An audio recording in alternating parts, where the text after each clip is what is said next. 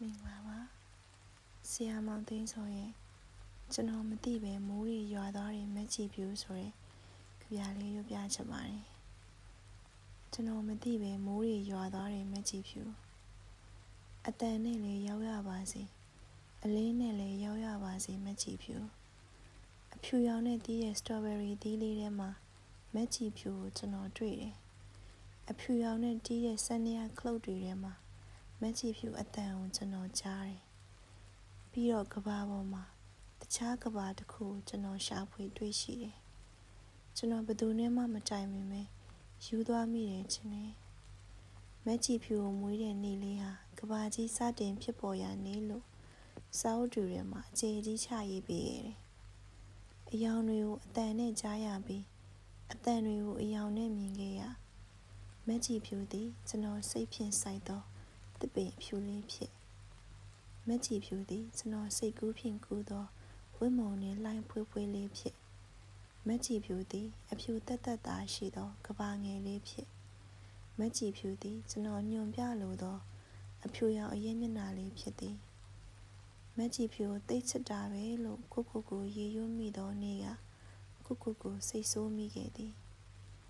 ဘာသာနဲ့လှုပ်ထားတဲ့လူကောင်လေးမို့လို့လဲအချစ် မနာလိုပါဘူးကွယ်မက်ချီဖြူကကျွန်တော်နာမည်လေးသိသွားတဲ့နေ့မှာအလင်းနဲ့အမောင်ဟာလည်းချစ်သူတွေဖြစ်သွားနိုင်တဲ့အကြောင်းကျွန်တော်နဲ့အရာအလုံးနဲ့ညင်းနေကျွန်တော်ဟာမက်ချီဖြူသိအောင်စိတ်ထင်သာပြရဲတော့မက်ချီဖြူသိအောင်ကိုထင်မပြရဲတော့ကြပြဆောက်နှစ်သားပါမက်ချီဖြူရဲ့မက်ချီဖြူကနိုဗ ెంబర్ နဲ့တိမ်ဖြူဖြူတွေပေါင်းပြီး စိတ်နဲ့တောင်ဝေးတဲ့နေရာကိုခေါ်သွားကြတော့မယ်လေကျွန်တော်နဲ့အရာအလုံးပေါင်းပြီးစွန့်အကြောင်ကန်းကျွန်တော်တို့တနေရာထဲမှာအဝေးကြီးဝေးတယ်မက်ချီဖြူမက်ချီဖြူရှိတော့မယ်ကဘာဟိုဘက်အချမ်းလေးဟာပူလာသွားတော့မယ်တင်နေလင်းပြင်းကြီးနဲ့မှမဟုတ်ပါဘူးပြန်လွှားငှက်ကလေးနဲ့လည်းလိုက်ခဲ့မယ်အခုတော့လက်ထဲကစက်ကူလေးရင်ပြန်လေးလွတ်လိုက်ရတာတော့နာနာချင်းချင်းနဲ့ကျွန်တော် နိုဝင်ဘာနဲ့လေရင်ကွင်းစီကိုမသွားရဘူး။ဘာပဲဖြစ်ဖြစ်မက်ချီဖြူရဲ့ကျွန်တော်နဲ့တစ်ထက်သေးကြမယ်နိကျွန်တော်ကမက်ချီဖြူကိုနယ်ယူတစ်ချောင်းပြီးပြီးမက်ချီဖြူကကျွန်တော်ကိုနှင်းစီဖြူဖြူလေးပြန်ပြီးမဲ့တနေ့အဲ့ဒီနှင်းစီဖြူဖြူလေးကကျွန်တော်ရဲ့ရင်ဘတ်တွင်စိုက်ပြိုးပြီး